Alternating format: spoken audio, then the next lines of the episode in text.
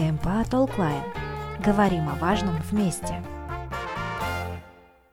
Всем привет, дорогие друзья! С вами на связи снова КМПА Толклайн и наш очередной и такой долгожданный выпуск э, на тему аборта, медицинского безопасного аборта. Сегодня с нами особый гость, это доктор Родика. Спасибо большое вам за то, что вы подключились. Я знаю, у вас очень сжатое время, поэтому мы постараемся очень быстро, кратко, но, скажем так, провести полезную беседу с вами на эту самую тему. Доктор Родика, у нас э, обычно первый вопрос такой больше связанные с представлением самого гостя. Поэтому, пожалуйста, расскажите немножко о себе, чем вы занимаетесь и почему вы занимаетесь э, вот в данном направлении, в котором вы работаете.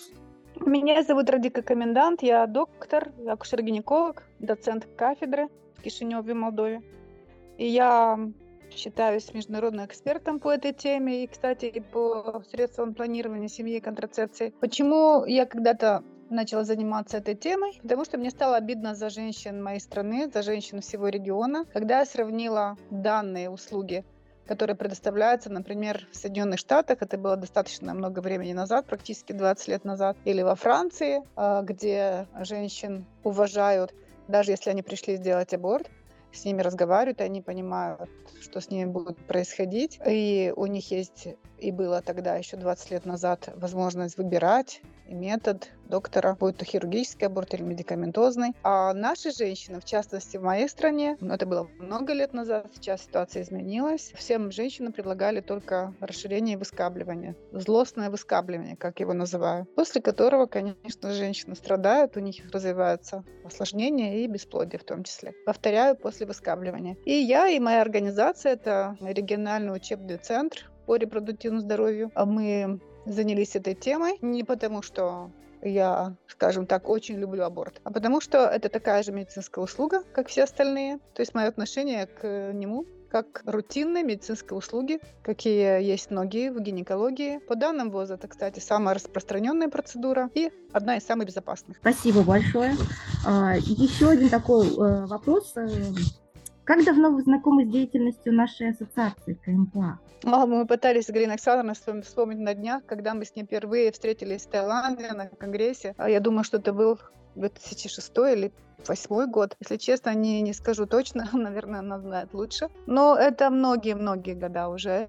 Это уже э, такое Столько лет прошло, и это э, проверенные э, дружбой и сотрудничеством отношения. И я думаю, что мы радуемся, и я, и ваша ассоциация, вот этому совместному сотрудничеству. И, конечно же, в итоге все выиграют от него, и, и женщины, девушки в том числе. Насколько я помню, а, буквально недавно, пару месяцев назад, собственно, отмечался Международный день безопасного аборта, и в этой связи хотелось бы тоже узнать, проводились ли какие-то мероприятия республиканского уровня вот, в Молдове или от вашей? Да, конечно, конечно, у нас были, это 28 сентября, день, когда а, все специалисты, все э, представители НПО сектора празднуют право женщины э, на безопасный аборт. И, конечно, на все, во, всем, во всех странах, на всем земном шаре какие-то мероприятия проводились, и мы у себя делали вебинары, посвятили этому Э, выступления онлайн, посвятили этому э, серии мероприятий по объяснению. Мы сня- снимали видео и ставили их в YouTube-канале.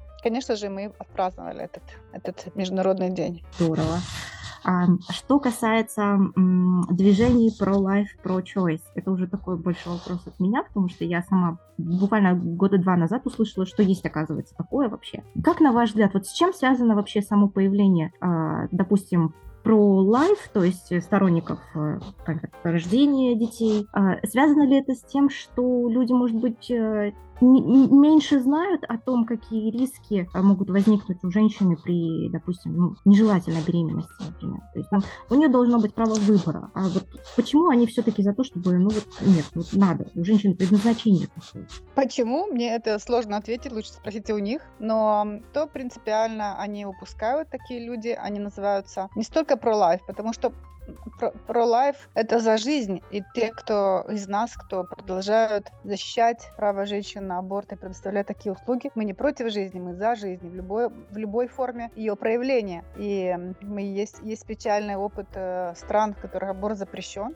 где государство, пытаясь повысить фертильность и пытаясь уменьшить количество абортов, запрещают законодательно эту процедуру, и тогда женщины все равно себе прерывают беременности и оплачивают за это своим здоровьем, а зачастую и жизнью. То есть получается, что эти люди, которые объявляют себя, что они за жизнь, запрещая аборты, они на самом деле способствуют смертности женщин. Потому что женщина знает лучше всех, если она может или не может в какой-то определенный момент носить вот эту беременность, будь то э, запланированную или непланированную. И получается, что вот эти все протесты или их движение против жизни, на самом деле это жизнь, это движение, э, то есть за жизнь, это на самом деле движение против жизни. И более грамотно было бы их назвать anti-choice movement, или движение против права на выбор. И это же, конечно же, нарушает ряд эм, общечеловеческих прав, которые очень давно э, утвердили на уровне международном. Это право на жизнь, право на здоровье, право на самоопределение и на решение, как мне быть и как поступить собственным телом, в том числе со своей собственной беременностью. И право на самые высокие стандарты здоровья, и право на результаты или на достижение э, научно-технической революции. Это вот список общечеловеческих прав, причем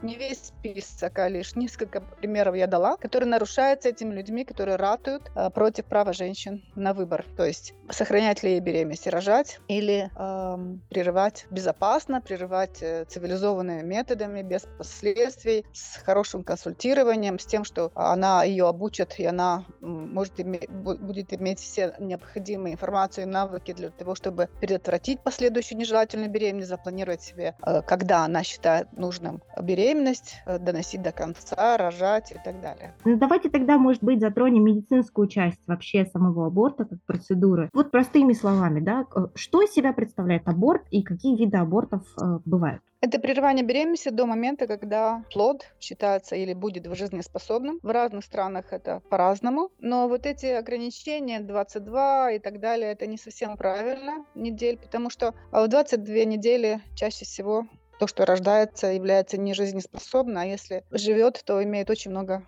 последствий для развития нервной системы и так далее. То есть, ну, по сути, по определению аборт – это прерывание беременности до момента, когда плод достигает жизнеспособности. И они бывают самопроизвольны, когда женщина хочет носить эту беременность, и они, эта беременность прерывается по каким-либо моментам. Беременность по, или аборты по желанию женщины, когда она прерывает беременность, потому что посчитала, что ей нет э, на данный момент условий эту беременность продолжать. И, конечно же, есть ряд а, абортов, которые производятся по медицинским или социальным показаниям. Вот это по классификации. А, по законодательству во всех странах бывшего Союза по желанию остались аборты до 12 недель. И, кстати, это сейчас было пересмотрено Всемирной организацией здравоохранения, которая ратует за то, чтобы во всех странах убрали вот эти законодательные требования к а, времени или к сроку беременности, при котором можно легально прерывать беременность. Вот такой вот призыв вообще убирать эти сроки. Но э, по законодательству и у вас в стране, и у меня в стране, и во многих странах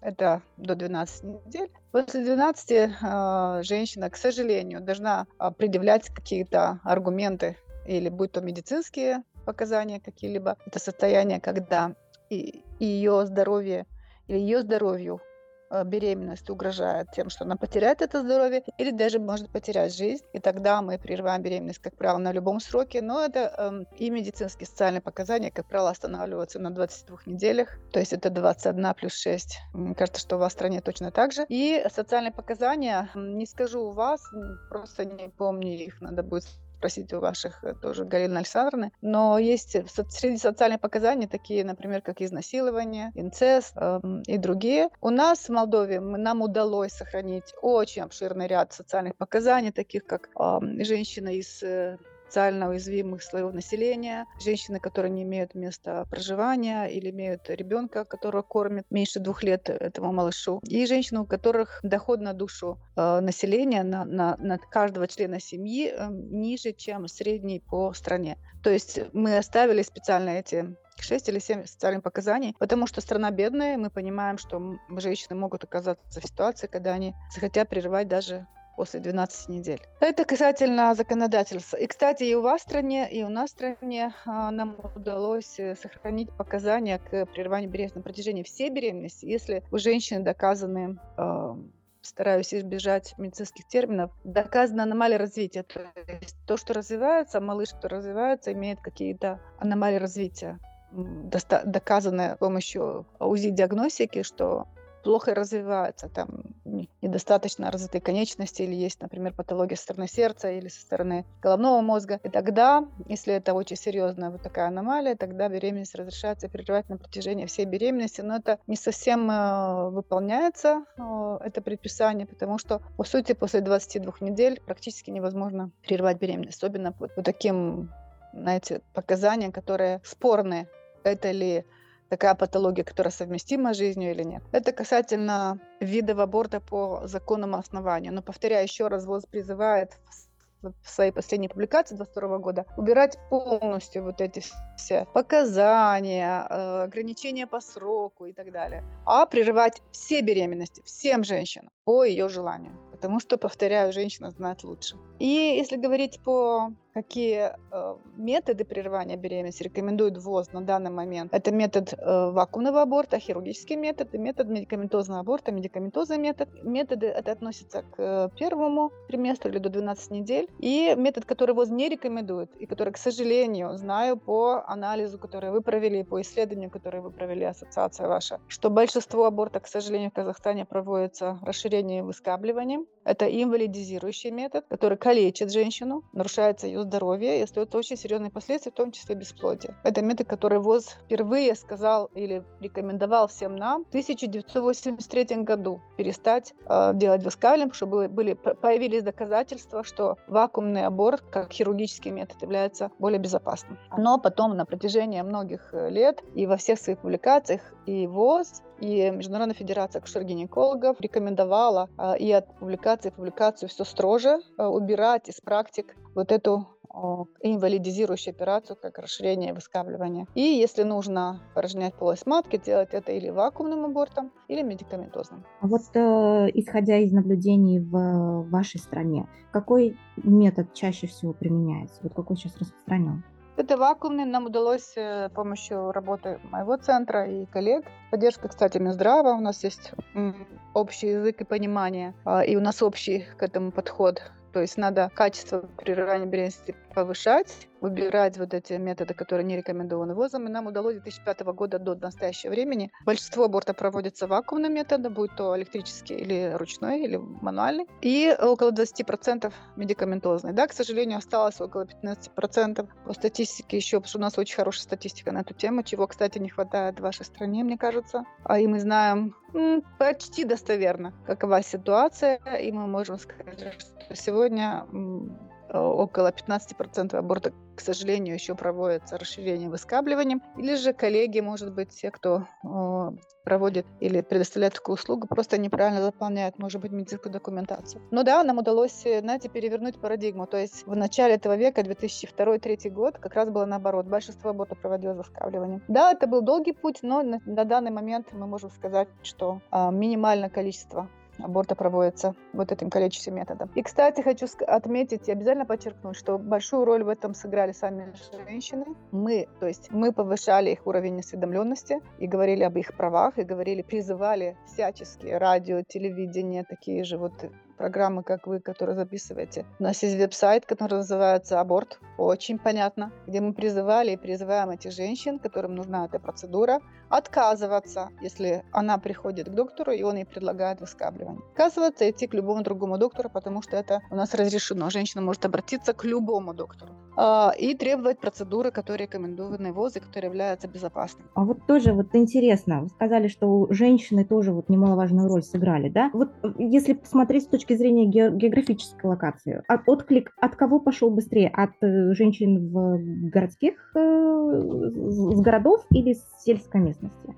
Ну, а, вы, вы правы, женщины в города больше, а, более осведомленные, и они, да, они больше обращаются за безопасными методами. Это вы правы, да. А, и это момент, над которым мы должны работать все, э, доступности э, и, и право на информацию, которая, я думаю, нарушается женщины из сельской местности, подростков, женщин неимущих или малоимущих, э, или тех, кто просто, просто не, не имеют ни интернета, ни, ни какого-либо другого источника информации, чтобы можно было таким образом воздействовать тоже на их выбор и предоставлять им это право. Вообще, в целом, просто когда ну, среднестатистический человек слышит слово аборт, он почему-то думает больше в таком негативном русле. И поэтому э, хотелось бы уточнить, вообще в целом считается ли аборт всегда безопасной процедурой? Смотря как его сделать. А, вы знаете, я тоже себя спрашивала, откуда а, вот это а, абсолютно единое мнение в обществе, что это что-то плохо. Я думаю, что это началось с тех времен, когда женщины переживали себе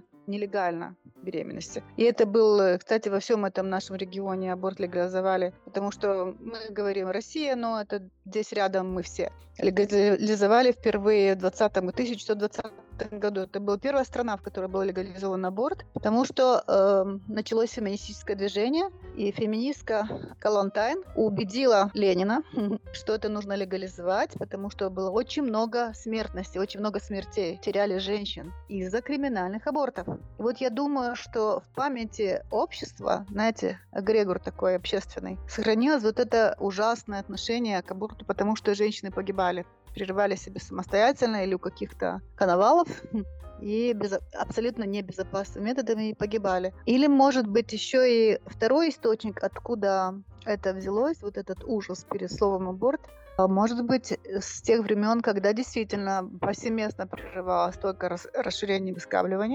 Секса во времена Союза не было и никаких средств планирования семьи, и, по сути, женщины прибегали к аборту по много-много раз. Я начинала э, работать акушер-гинекологом во времена Советского Союза, и были женщины, которые предъявляли, что у них было 10, 12 абортов, а то и 20. То есть они таким образом себе регулировали фертильность. И, но, понимаете, все же движется и развивается. И мне странно, что в хирургии, например, вместо каких-то серьезных полостных операций заняла лапароскопия, и все нормально с этим. Но в этой области, в области аборта, место вот этих калечащих операций должно было занять, и должны были занять методы правильные, хорошие, которые не калечат женщину. Это вакуумный и медикаментозный. И чтобы этот отношение к аборту изменилось, но этого не происходит. И отвечая на ваш вопрос, если аборт может быть безопасным, да, все зависит от того, как его сделать, в каких условиях, как проинформировать женщину. То есть в этом, кстати, совсем недавно ВОЗ даже пересмотрел определение, что, что считать безопасным абортом. Это, во-первых, тот, который проводится методом, который рекомендует ВОЗ. А ВОЗ откуда берет эти рекомендации? На основании исследований, причем высококачественных, рандомизированных, контролируемых исследований. И показали, что в группе женщин, которые проводят или медикаментоз, или вакуум, нет осложнений. Вот это и есть безопасность. Они беременеют точно так же после этого, как и до, носят беременность прекрасно, носят и рожают здоровых детей. Но не только. В чем разница? Что это не только метод, да, а еще и такая поддерживающая обстановка в обществе, а, отсутствие стигматизации этих женщин. Они должны скрывать, они должны прятаться, бояться сказать, что у них это непланированная беременность, позже обращи, обращаться из-за этого, пойти к какому-то, не знаю, подпольному гинекологу, ну я утрирую, конечно, а, и получить э, неадекватную услугу. И многие-многие такие элементы, которые создают а, ситуацию, в которой женщина будет искать источник небезопасной процедуры. То есть вот к методу нужно безопасному, да, вакуумный и медикаментозный, обязательно нужно э, постараться программно всецело внедрять и вот эти моменты. Воспитание женщин, воспитание поставщиков услуг, их отношения нормального, дружелюбного, э, эм, уважа, уважительного отношения к женщине, консультирование перед абортом, консультирование по планированию семьи после аборта. И я могу сказать, что в этом плане наши успехи в Молдове, знаете, в чем, в чем я вижу радикальную разницу сейчас? Как приходили женщины, я помню эти бесконечные очереди очереди перед процедурным кабинетом по 20, по 25 а, женщин за один день, которые стояли, опустив голову, и было стыдно, с ними никто не разговаривал. И сейчас женщины приходят ко мне, поднятой головой, нормальные, спокойные. Некоторые из них сидят, улыбаются. То есть ужас вокруг этой процедуры, по крайней мере, у нас в стране, пропал. То есть нет вот такого вот отношения, потому что женщины знают, что получат себя услугу такого же качества, как получает себе женщина, не знаю, в развитой Европе. И да, отвечая на вас вопрос, да, аборт является, повторяю, безопасной процедурой. И по, если он соответствует этому определению. И после него, после такого аборта не остается ни одного, цитирую ВОЗ, или в редких очень случаях каких-то последствий, которые повлияли бы на ее репродуктивную функцию. Это я цитирую ВОЗ еще 2004 года. Отлично. Это, это, это был очень развернутый ответ буквально почти на все вопросы, которые мы подготовили. Э, единственное, такой момент интересный. Э, мне просто вот настолько приятно слушать то, что вы и рассказываете об опыте вашей страны и параллельно сравниваете с нашей ситуацией. И здесь как раз-таки тоже хочется спросить, с какими трудностями сталкивается, возможно, до сих пор, да, ваша система здравоохранения именно в плане проведения медикаментозного аборта, видя наш, нашу ситуацию? Может быть, вы видите какие-то наши трудности, которые мы, может быть, не замечаем или прорабатываем как-то? Наши, наши трудности в моей стране и в вашей стране находятся на раз, разных уровнях. Наши трудности, мне вот в этом году мы пишем новую программу по репродуктивному здоровью, и я там ввела как одну из э, целей этой программы бесплатный аборт для всех женщин. Пока на данный момент у нас он бесплатен для подростков и молодых женщин до 24 лет в, в сети клиник дружественной молодежи. У нас она есть во всем, во всех регион, регионах и так далее. То есть вот эта проблема, которую я хотела бы решить, понимаете? То есть я хочу его бесплатно. Причем не, не какие-то там хождения по комиссии, получение каких-то справок после только это бесплатно. Пришел, получил услугу и ушел. Причем для всех же Потому что контрацепты у нас бесплатные. У семейного врача там есть э, длинный список эм, тех, кому можно предоставлять бесплатно контрацепты. Туда, кстати, попадает и женщина после аборта. Это момент. А второй момент я хотела бы а, уже... Я не столько говорю про трудности, сколько, видите, говорю про... Так надо говорить про трудности. А я говорю про какие-то уже цели дальше или, или шаги дальше. Я хотела бы, чтобы не только гинекологи это предоставляли, потому что давным-давно доказано, что семейная медицина должна это делать и может это делать. А может быть, и вовлечь еще активнее фармацевтов и работников аптек, потому что проконсультировать по медикаментозному аборту может любой. Главное знать правильную информацию. Вот такие вещи.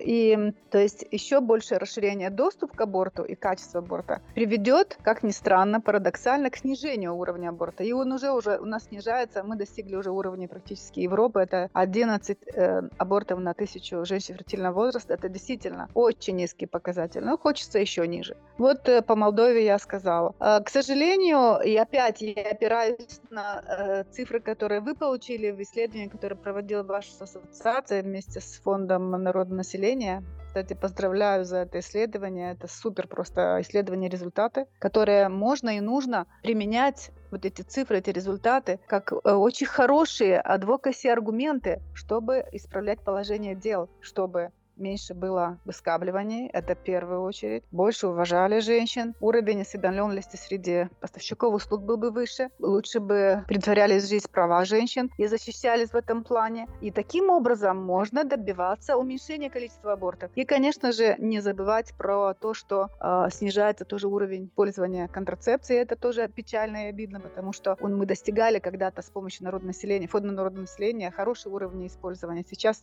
по вашим результатам это тоже упало. То есть получается, что и контрацепция ниже, естественно, аборты выше. И, конечно же, большинство из них делается расширение выскабливания. В такой богатой стране, как ваша, уважаемой стране, которую знает весь мир. Молдову, кстати, почти никто не знает. Надо напоминать, кто это и где это. Казахстан знают. И повторяю еще раз, это богатая страна, которая может себе позволить абсолютно все. И, конечно же, здесь права и потребности женщин должны учитываться на более высоком уровне, мне кажется. Потому что есть условия для этого, есть э, финансы для этого, есть экономическая структура для этого. И барьеров в этом плане меньше по сравнению с нашей страной, которая является самой бедной в Европе. И я была вот эти дни на вашей конференции, два дня, я поразилась, какой высокий уровень докладов но, к сожалению, большинство посвящены беременности и все, что вокруг беременности и родов. Что, то, что это хорошо, это отлично, я не говорю, что это плохо, это лишь можно поздравить за это. Но где остальные контингенты женщин? Их поменьше, их не было так много. По абортам это было один-два доклада, но проблема же есть именно тем, что до сих пор в стране используется метод, который ВОЗ, не могу сказать, запретил, но не рекомендует уже давно. Почему? Потому что он калечит здоровье. И, и, и таким образом э, идут эти вот, э, даже не скажу цифры, но это женщины, которые потенциально кандидаты для лечения затем долго-долго-долго и очень дорого бесплодия своего. И это удар по э, населению страны. И вот если кто-то бы из политических деятелей бы это услышал бы, понял бы, может быть, что надо инвестировать в здоровье женщин, в том числе безопасное прерывание, потому что это потенциально женщины, которые не смогут иметь детей. И это грозит и в том числе депопуляцией страны, потому что плохая демография, не знаю, как у вас, кстати, обстоят дела, у нас очень плохая демография, у нас каждая беременность очень ценна. И эти женщины, которые сегодня прерывают безопасно, завтра она будет рожать. А та женщина, которая надеется выскабливание, не суть, что она будет рожать дальше, сможет ли она рожать. Понимаете, связь какая? Вот, вот здесь тоже как раз напоследок такой вопрос, больше рекомендательного характера, с учетом вашего богатого опыта работы в этой сфере. На ваш взгляд, что важно помнить нашим женщинам в случае необходимости обращения к аборту? Как им нужно себя подготовить? Не надо никакой подготовки, надо выбрать метод. Прийти к доктору и сказать, я хочу медикаментозный или я хочу вакуумный. Можете мне такое предоставить? Хорошо, нет, до свидания. Вот это должны знать женщины. Не существует подготовки, не существует реабилитации после аборта. Важно, каким методом проводится. Спасибо большое. Доктор Родика, это был потрясающий выпуск. Мы просто вместились в это сжатое время. Спасибо вам большое, что вы подключились, что поделились этим Спасибо вам. этой информацией. Друзья, спасибо большое вам, что вы были с нами. Надеемся, вам понравился этот выпуск. Пишите нам, мы с удовольствием вам ответим. Всем пока. Всего хорошего, будьте здоровы, до свидания. Спасибо большое, доктор Родика. До свидания. С вами на связи КМПА Толклайн. Говорим о важном вместе.